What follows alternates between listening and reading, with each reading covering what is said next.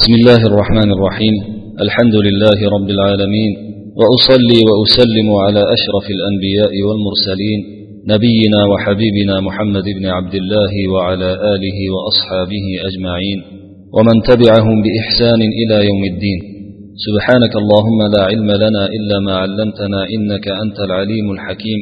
اللهم علمنا ما ينفعنا وانفعنا بما علمتنا وزدنا علما وعملا يا رب العالمين. آمين.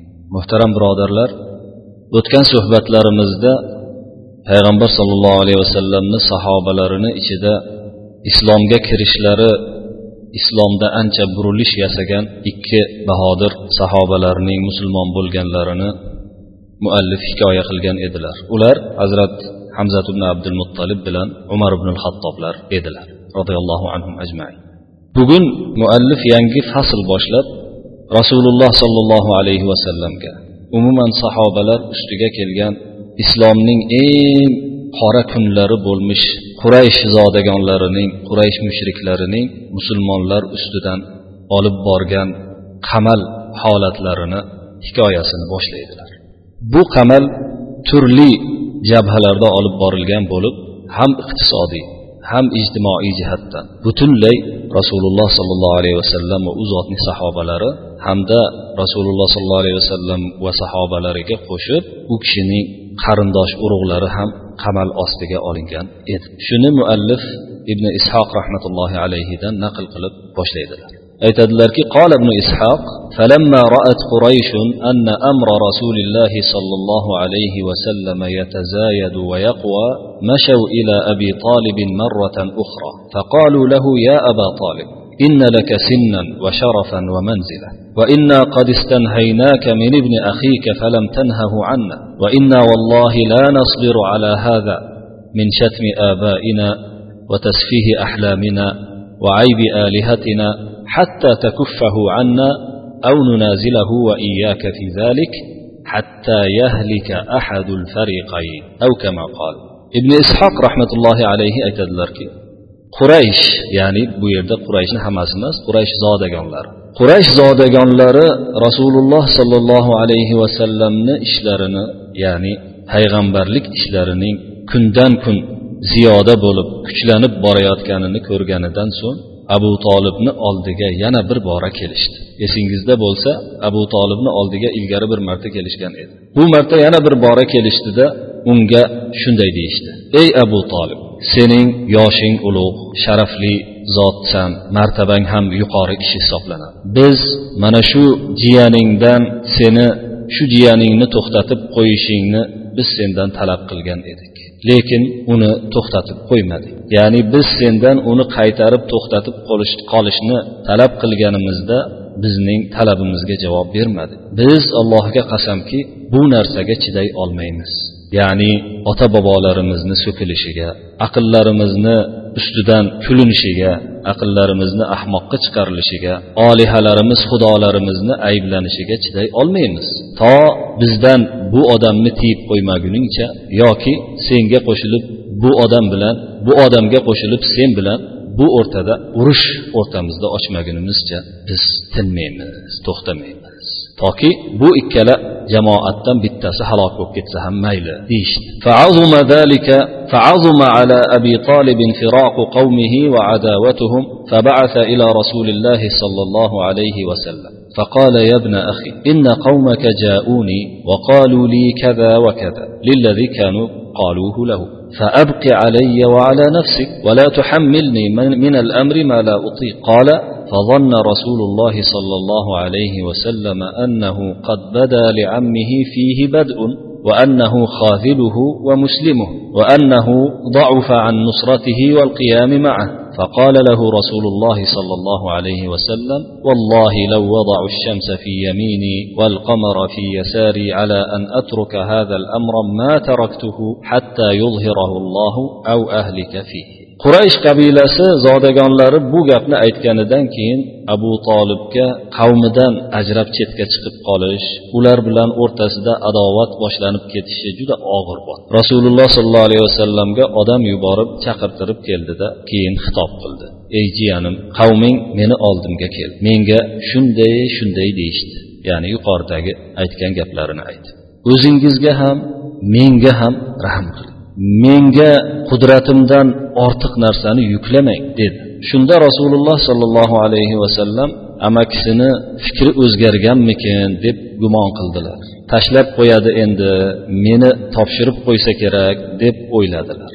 Yordamidan kuchsizlanib yordam berishdan to'xtab qolishini o'ylab qoldilarda keyin unga aytdilarki allohga qasamki quyoshni o'ng qo'limga oyni chap qo'limga qo'yishganda ham mana shu ishni tashla deb qo'yib qo'yishganida ham alloh taolo bu ishni zohir qilib hamma tomonga yoymaguncha yoki bu ish yo'lida men o'lib ketmagunimcha halok bo'lib ketmagunimcha buni tashlay olmayman dedilar ثم قال ثم استعبر رسول الله صلى الله عليه وسلم فبكى ثم قام فلما ولى ناداه أبو طالب فقال أقبل يا ابن أخي قال فأقبل عليه رسول الله صلى الله عليه وسلم فقال أقبل يا ابن أخي فقل ما أحببت فوالله لا أسلمك لشيء أبدا bu gapni aytganlaridan keyin ibn ishoq aytyaptilarki bu gapni aytganlaridan keyin rasululloh sollallohu alayhi vasallam ko'zlari yoshlanib dillari ko'ngillari buzilib yig'ladilar keyin o'rinlaridan turib ketdilar Qaytib chiqib ketayotganlarida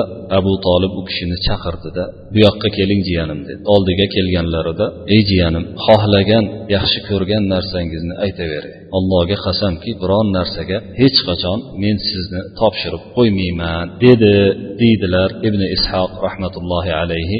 Bu rivoyatni o'zlarini shayxlari yaqub ibn utba degan kishidan rivoyat qiladi. Buni sanadi biroz zaifroq bu hikoyani bundan ko'ra sahihroq bo'lgan sahih bo'lgan sanatda payg'ambarimiz sollallohu alayhi vasallamni mana shu o'rinda boshqacharoq lafz bilan aytganlari rivoyat qilinadi. Sahih bo'lgan rivoyatda aytadilarki vallohi ma ana biqodirin ala an ada'a zalika ala an tastash'ilu li minha shu'lata ya'ni shams aytadilarki men quyoshdan bir parcha bir shu'la olib berishlaring qanday qiyin bo'ladigan bo'lsa men ham buni tashlashga hech qachon qudratim yetmaydi. Ya'ni quyoshdan bir shu'la olib berishlaring bo'lsa ham quyoshdan bir shu'la bir bo'lak quyoshni bir bo'lagini meni qo'limga olib kelsalaring ham men buni tashlashga qodir bo'lolmayman deganliklari rivoyat qilinadi. Lekin ikkalasini ham ma'nosi bir narsada bu ham bo'lsa rasululloh sollallohu alayhi vasallam o'zlariga yuklangan vazifani biron bir narsa evaziga ham hech qachon tashlamasliklarini aytyaptilar. Bu keyinroq bu haqda rasululloh sollallohu alayhi vasallamning quraysh jamoasiga qilgan yana bir takliflariga qilgan javoblari bu yerda aytiladimi yo'qmi bilmayman. Ba'zi rivoyatlarda kelgan hadislarda kelgan rivoyatlarda payg'ambarimiz sollallohu alayhi vasallamga ular ko'p narsani va'da qilishadi. Boylikni va'da qilishadi podshohlikni va'da qilishadi sayyidlikni hammadan ko'ra tepada bo'lishni va'da qilishadi. Barcha narsani va'da qilishib turib xohlaganingizni tanlang. Xohlagan ayolni so'rang biz olib eng chiroyli ayolni so'rasangiz ham olib beraylik. Xohlagan pulni ayting biz to'plab beraylik. Xohlagan narsani qiling lekin mana shu narsani tashlang deganlarida ham ko'nmaganliklari rivoyat qilinadi. Bu kelib ham qolsa kerak keyingi hikoyalarda. قال ابن إسحاق ثم إن قريشا حين عرفوا أن أبا طالب قد أبى خذلان رسول الله صلى الله عليه وسلم وإسلامه وإجماعه لفراقهم في ذلك وعداوتهم مشوا إليه بعمارة بن الوليد فقالوا له فيما بلغني يا أبا طالب هذا عمارة بن الوليد أنهد فتى في قريش وأجمله فخذه فلك عقله ونصره واتخذه ولدا فهو لك. وأسلم إلينا ابن أخيك هذا الذي قد خالف دينك ودين آبائك وفرق جماعة قومك وسفه أحلامهم فنقتله فإنما هو رجل برجل أو فإنما هو رجل كرجل ابن إسحاق aytadilarki keyin quraysh qabilasi abu tolibning rasululloh sollallohu alayhi vasallamga yordam qo'lini tortib yordam bermay qo'yishdan bosh tortganini topshirishdan bosh tortganini hamda qurayshni barchasiga teskari kelishga qaror qilganini bilishganida adovat qilishga qaror qilganini bilishganida yana bir urinish qilib ko'rishdi. Uning oldiga umorat ibn valid degan bir yigitni boshlab kelishdi. Umorat ibn valid o'sha valid ibn mug'iraning yosh navqiron o'g'li edi. Keyin menga yetib kelishicha deydilar ibn ishoq menga yetib kelishicha ularga abu tolibga ular shunday deyishdi. Ey abu tolib mana umorat ibn valid quraysh qabilasi ichidagi eng navqiron eng chiroyli yigit. Bu yigitni olgin. Bu yigitning aqluhu bu yerda aqluhudan murod xuni demoqchi bo'lyapti. Ya'ni mabodo bu yigit yo'qolib qo'qolib yo bir o'ldirilib qolinsa o'shani xunini ham sen olasan mayli shu senga o'g'il bo'ladi degan ma'noda aqluhu deyish. Bu yerda aqluhu degandan aqli degan ma'noda emas. Senga uni xuni ham bo'lsin. Kuchi ham yordami ham senga bo'lsin. Senga yordam bersin. Buni o'zingga o'g'il qilib olgin. Bu yigit seniki mana. Lekin bizga jiyaningni topshirgan bu jiyaningki o'zingni diningga teskari chiqib otangni diniga teskari chiqib ota bobongni diniga teskari chiqib qavmingni jamoasini butunlay parcha parcha qilib tashladi. Ularni aqllarini ahmoqqa chiqardi bizga topshirgin shuni. Biz o'ldiraylik. Mana bir odamga bir odam bo'lsa deyishdi قال والله لبئس ما تسومونني تعطونني ابنكم أغذيه لكم وأعطيكم ابني تقتلونه هذا والله ما لا يكون أبدا shunda abu tolib achchig'i chiqib ketganida menga kelib qilayotgan savdolaring bunchayam yomon a bundan ham ko'ra yomon savdo bo'ladimi menga farzandlaringni berarkansizlar men buni boqib o'tiraman ekanu men o'g'limni sizlarga beraman ekan Sizlar o'ldirar ekansizlar bu hech qachon bo'lishi mumkin bo'lmagan ish dedi فقال المطعم بن عدي بن نوفل بن عبد مناف والله يا أبا طالب لقد أنصفك قومك وجاهدوا على التخلص مما تكره فما أراك تريد أن تقبل منهم شيئا shunda o'zini qarindoshlaridan bittasi mutim ibn adi ibn navfal degan ya'ni ibn abdumanof abdumanofni o'g'li navfalni o'g'li adiyni o'g'li mutim aytyapti banu abdumanof qabilasi ya'ni banu hoshimga yonma yon bo'lgan aka uka bo'lgan qabiladan mutim aytdiki shunda ey abu tolib allohga qasamki qavming senga insof bilan muomala qilgan edi hozir shu o'zing ham uncha xohlamay turgan narsadan qutulish bir yo'lini ko'rsatishgan qutulishga qattiq kirishishgan ulardan biron narsani qabul qilmaydiganga o'xshaysan o'zi dedi ulardan biron narsani qabul qilishni xohlamayotganingni ko'ryapman dedi فقال والله ما أنصفتموني ولكنك قد أجمعت خذلاني ومظاهرة القوم علي فاصنع ما بدا لك أو كما قال shunda abu tolib allohga qasamki menga hech insof qilmadilar adolat qilmadilar lekin sen ham ularga qo'shilib meni yordamsiz qoldirishga qaror qilibsan qavmga qo'shilib meni ustimga dushmanlikni boshlabsan xohlaganingni qil dedi yoki shunga o'xshagan gaplarni ayt وحميت الحرب وتنابذ القوم وبادى بعضهم بعضا فقال أبو طالب عند ذلك يعرض بالمطعم ويعم من خذله من بني عبد مناف ومن عاداه من قبائل قريش ويذكر ما سألوه وما تباعد من أمره شند إشجد إن رسوا haqiba degani o'zi to'xtab qoldi degan lug'aviy ma'nosi bu yerda ishga nisbat beriladigan bo'lsa fasada ma'nosida keladi ya'ni ish buzilib ketdi o'rtada bir isloh bo'lmadi urush qizib ketdi qavm bir biriga adovatni ochiqchasiga qila boshladi. Ya'ni adovatni qilib bir biridan tarqab ketdi. Ba'zilari ikkinchilariga dushmanlik qila boshladi o'shandan keyin. Ilgari ham dushmanroq bo'lib turishuvdiyu islohga harakatlar bor edi endi umuman isloh bo'lmaydiganligi ma'lum bo'lib qoldi.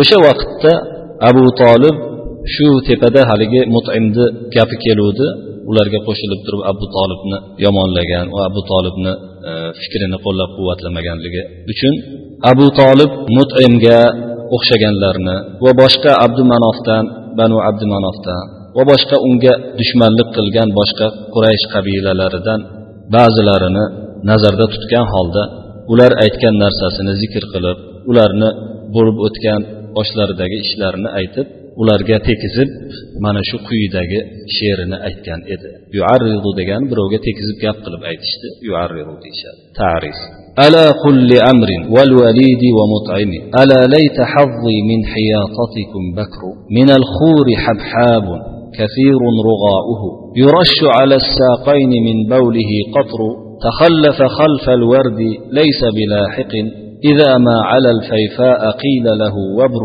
أرى أخوينا من أبينا وأمنا إذا سئلا قال إلى غيرنا الأمر بلى لهما أمر ولكن تجرجما كما جرجمت من رأس ذي علق صخر أخص خصوصا عبد شمس ونوفلا هما نبذان مثل ما ينبذ الجمر. هما أغمزا للقوم في أخويهما فقد أصبح منهم أكفهما صفر. هما أشركا في المجد هما أشركا في المجد من لا أبا له من الناس إلا أن يرس له ذكر وتيم ومخزوم وزهرة منهم وكانوا لنا مولا إذا بغي النصر. فوالله لا تنفك منا عداوة. ولا منهم ما كان من نسلنا شفر أبو طالب aytyaptiki voy amirga validga mut'imga aytinglar amir deb abu jahlni nazarda tutyapti valid deb valid ibn mug'ira mut'im deb hali yuqorida o'tgan mut'im ibn adiyni nazarda tutib shularga ayt ala layta hazzi min hiyatatikum amdu sizlarga qo'shilishdan sizlarni hibza himoyalaringga qo'shilishdan ko'ra menga bir tuyayam afzal edi kichkinagina kasal tuya Minal xuri bakrun minal xuri degani xur degani juda kuchsiz bo'lgan zaif bo'lgan tuyalarga aytishadi. Habhabun kafirun rug'auhu. Habhab degan pakana. Tuyani kichkinasi pakanasi juda xunuk ko'rinadi. Odamlar olmaydi ham. Shunaqa tuya bo'lsa ham mayli edi. Kafirun rug'auhu og'zidan chiqadigan ko'pigi ko'p bo'lgan. Tuya yomon bo'lsa ko'pigi og'zidan ko'p chiqib yuradi. Yurashu ala saqayni min bawlihi qatru. Boldiriga siydigidan tomchilar tomib yuradi. Shunaqangi bir odam qaragisi kelmaydigan tuya. Tahallafa xalfal vardi laysa bilahiqin. O'sha suvga ketayotgan tuyalar ko'pincha suvga ketganda ochiq suv suvsaganligidan chanqaganidan hammadan o'zib ketishadi. Lekin bu tuya esa o'sha suvga ketayotgan tuyalarni orqasidan ularga yetolmasdan qolib ketgan tuya. Bir daraxti yo'q bo'lgan cho'lni tepaligiga chiqib uzoqdan qaraydigan bo'linsa o'shanaqa joyda turadigan bo'lsa bu tuya uni vabrmikin deb o'ylab qolinadi. Vabr deb hali boya men sizlarga rasmini ko'rsatgan hayvonga aytiladi. Quyondan ko'ra sal kattaroq bo'lgan quyon shaklida bo'lgan shu yumron qoziqqa o'xshagan hayvonni vabr deyishadi. Shu uzoqdan ko'ringanda boyagi salbiy sifatlar bilan vasflangan tuya tuyaga ham o'xshamasdan o'shanaqa hayvonga o'xshab ketadi deb haligi odamlarga qo'shilishni foydasi yo'qligini undan ko'ra mana shunaqa bittagina narsa ham undan ko'ra foydaliroq ekanligiga ishora qilib shunday deyapti. Keyin aytyaptiki min abina va ummina o'zimizni otamiz va onamizdan bo'lgan akalarimizni ko'ryapmanki ularga savol berilsa mana shu to'g'rida voy bizga bir sal yordam bermaysizlarmi? degan savolni beriladigan bo'lsa ish bizni qo'limizda emas deyishyapti. Ila g'ayrinal amru ish boshqa bizdan boshqalarni qo'lida deyapti. Yo'q ish ularni qo'lida. Yu lekin ular pastga sho'ng'ib ketishgan. Ya'ni o'zlari xohlashmaydi buni. Xuddi zu alaq degan tog'ni ustidan cho'qqisidan yumalagan toshday bular ham pastga qarab tubanlikka qarab yumalab ketgan shaxslardir. Shularni ichida men abdushams bilan navfal qabilasini xususan aytib o'tmoqchiman. Mana shu ikki qabila bizni xuddi cho'g'ni tashlab yuborganday bizni tashlab yuborishdi yordam berishmadi bizga. Mana shular o'zi qavmga ya'ni qurayshni zodagonlariga o'zlarini ikkita yaqin birodarlarini yomonlab berishdi taslatib berishdi. Ag'maza degani ularni ishlarini yomonlab chaqib bergan odamlarni ag'mazo deb aytishadi. Bu ikkita birodarlari deb turib abdumanof bilan banu abdumanof bilan banu hoshimni nazarda tutyapti abu tolib faqat asbaha minhum akuffuhuma lekin ha bu banu abdumanof qo'llari bulardan hech nima bo'lmay bo'sh bo'lib qoldi. Biron bir yordam ko'rolmadi bularda. O'zi aslida bular shu ikkovlari ulug'likka odamlar orasida ulug'likka arzimaydiganlarni qo'shganlari ham shular bo'ldi. Ulug' odamlarni ulug'lash o'rniga past odamlarni ulug'lab yuborishdi. Faqat zikri kelganda ya'ni bir ismi aytilganda sal pal taniladiyu boshqa payt umuman ularni zikr etilmaydigan yaxshi yaxshi xislatlar bilan tanilmagan kishilarni otasi yo'q deb bu yerda nazarda tutyapti. Otasi yo'q degani shunaqa odamlarni ichida shunaqa ota bobolarini shon sharafi yo'q bo'lgan kishilarni ko'tarib yuborishdi. Taym qabilasi ham mahzum qabilasi ham zuhra qabilasi ham ulardan bo'lib ketdi. Holbuki bularni hammasi bir g'alaba izlangan vaqtda urush bo'lib qolib qolgan vaqtda bularni hammasi o'zi bizga xizmatkor edi bular. Allohga qasamki bizni tomonimizdan adovat ularga doimiy bo'ladi endi. Modomiki bizni naslimizdan kiprik qoqib turadigan kishi bo'lar ekan ya'ni biron kishi tirik bo'lar ekan adovat davom etadi degan she'rlar she'rini aytdi. Shafr deb muallif aytib qo'yyaptiki ashafru huva harfun harfu jafnil ayn. Ko'zni qovog'ini chekkasiga shafr deyishadi. قال ابن إسحاق ثم إن قريشا تذامروا بينهم على من في القبائل منهم من أصحاب رسول الله صلى الله عليه وسلم الذين أسلموا معه. فوثبت كل قبيلة على من فيهم من المسلمين يعذبونهم ويفتنونهم عن دينه. ومنع الله رسوله منهم بعمه أبي طالب.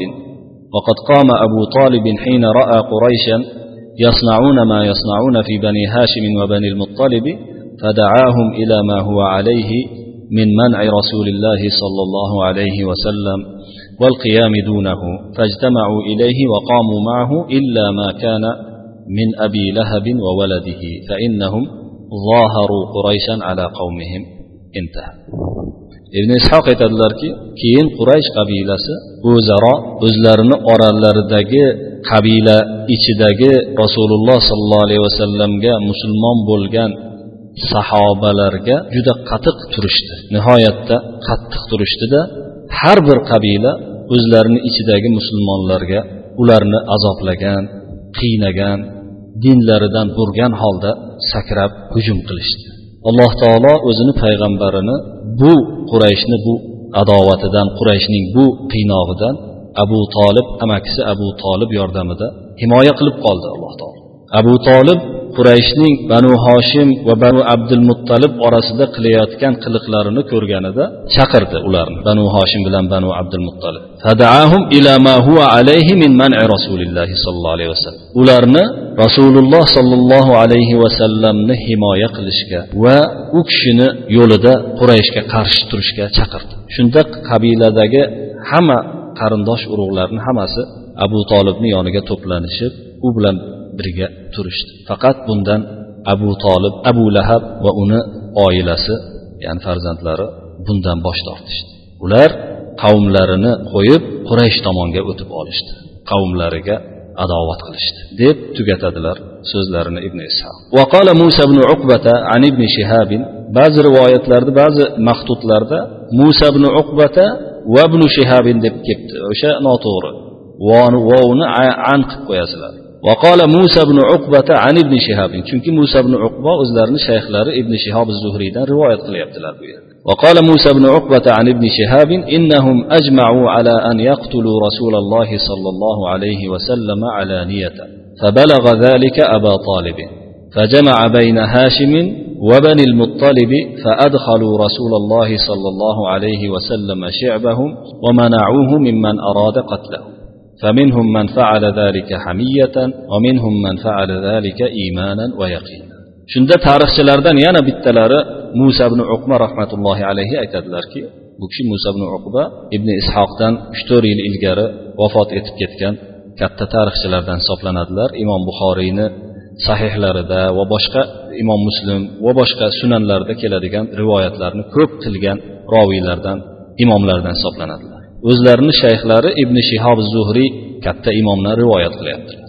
Ibn shihob aytadilarki ular rasululloh sollallohu alayhi vasallamni oshkora o'ldirishga qaror qilishdi. Shu narsa abu tolibga yetib qoldida hoshim banu hoshim bilan bayna bani hashimin va bani muttolib banu hoshim bilan banul muttolib qabilasini barchalarini qarindosh urug'larini to'pladi. To'pladida rasululloh sollallohu alayhi vasallamni o'zlarini daralariga quraysh qabilalari makkani ichida har biri o'zlarini tog'lari cho'qqilari daralari bo'lardi.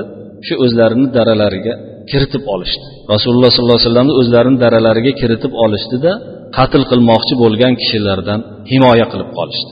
Bu narsalarni qilgan kishilar ichida qarindosh ulug'chilik jihatidan hamiyat qo'zg'ab ketganligidan qilganlar bo'ldi va bularni orasida iymon bilan yaqin alloh taologa ishonch bilan qilganlar bo'ldi ya'ni musulmon bo'lmasada o'zini qarindoshini himoya qilishga otlanganlar ham bo'ldi bularni فلما رأت قريش ذلك اجتمعوا وأتمروا أن يكتبوا كتابا على بني هاشم وبني المطلب أن لا ينكحوا إليهم ولا ينكحوهم ولا يبيعوا منهم شيئا ولا يبتاعوا منهم ولا يقبلوا صلحا أبدا ولا تأخذهم بهم رأفة حتى يسلموا رسول الله صلى الله عليه وسلم للقتل. وكتبوه في صحيفة بخط منصور بن عكرمة وقيل بغيض بن عامر.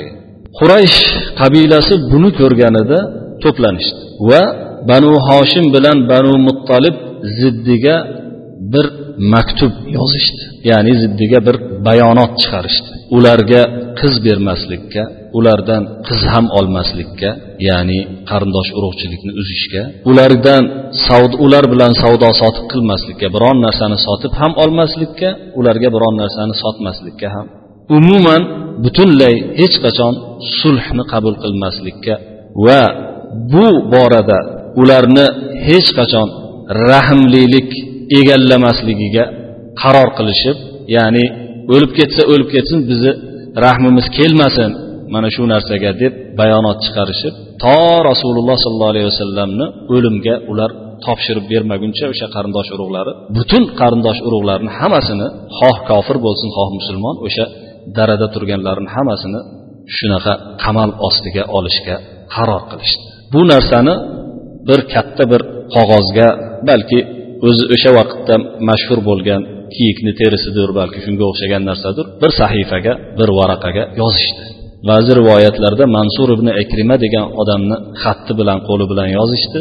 Ba'zi rivoyatlarda esa bag'il ibn amir degan kishi yozib bergan bu. Varaqani yozib bergan kishi yo mansur ibn akrima bo'ladi yo bag'iz ibn omir bo'ladi. Ibn qayyim zodil maotda bag'iz ibn omir degan yozib bergan deb shuni tarjih qiladi. shunda rasululloh sollallohu alayhi vasallam o'sha kotibga duoibat qildilar فدعا عليه رسول الله صلى الله عليه وسلم فشلت يده وعلقوا الصحيفة في جوف الكعبة رسول الله صلى الله عليه وسلم u odamga duoibat qilganida qilganlarida qo'li shal bo'lib qoldi ular quraysh qabilasi o'sha varaqani bayonotni kabani ichiga ulug'laganligidan kabani ichiga osib qo'yishdi. فانحاز بنو هاشم وبنو المطلب مسلمهم وكافرهم إلى أبي طالب فدخلوا معه شعبه فأقاموا على ذلك سنتين أو ثلاثة وقال ابن سعد سنتين حتى جهدوا وكان لا يصل إليهم شيء إلا سرا وفي الشعب ولد عبد الله بن عباس رضي الله عنهما وقطعت قريش عنهم الأسواق حتى كان يسمع أصوات نسائهم وأبنائهم يتضاغون من وراء الشعب من الجوع واشتدوا على من أسلم ممن لم يدخل الشعب وعظمت الفتنة وزلزلوا زلزالا شديدا بنو هاشم بلن بنو المطلب مسلماني وكافر أبو طالب tomonga o'tdi u bilan birga o'sha daraga kirib olishdi shunda o'sha qamalda qolib ketishdi ular ham hammalari musulmonu kofirlar hammalari o'sha qarindosh urug'lar o'sha qamalda ikki yil yo uch yil turib qoldilar. Ibn sad ikki yil deydilar. Shunday qattiq qiyinchilikka uchradilarki ularga yordam biron narsa kelmas edi yordam. Faqat ba'zan yashirin ravishda kelib qolar edi. O'sha darada turgan vaqtda abdulloh ibn abbos roziyallohu anhu tug'ildilar o'sha darani ichida. Quraysh qabilasi bulardan bozor o'charlarni hammasini uzib tashladi. Hech narsasi qolmadi bularni hatto dara ortidan ularni ochqaganliklaridan ayollarini va farzandlarini bolalarini shovqini desak qo'pol bo'lib ketadiyu ularni ingraganlari qiynalib ovoz qilganliklari eshitilib turar edi. Quraysh qabilasi hech bunda rahm qilmasdan daraga kirmaganlar tomon qiynoqlarni boshlab daraga kirmagan musulmonlarga yanayam qattiq qiynoqlar qila boshladilar. Fitna nihoyatda katta bo'lib ketdi. Ular dinlarida shunday qattiq zilzilaga uchradilar. Suhbatimiz mana shu yerga yetganida hozir sizlar bilan xayrlashamiz. Keyingi suhbatimizda ushbu hikoyani ayanchli hikoyani davomini qilamiz degan umidda سوزمزجا بن يسيمز وصلى الله وسلم وبارك على نبينا محمد وعلى آله وأصحابه أجمعين والحمد لله رب العالمين والسلام عليكم ورحمة الله وبركاته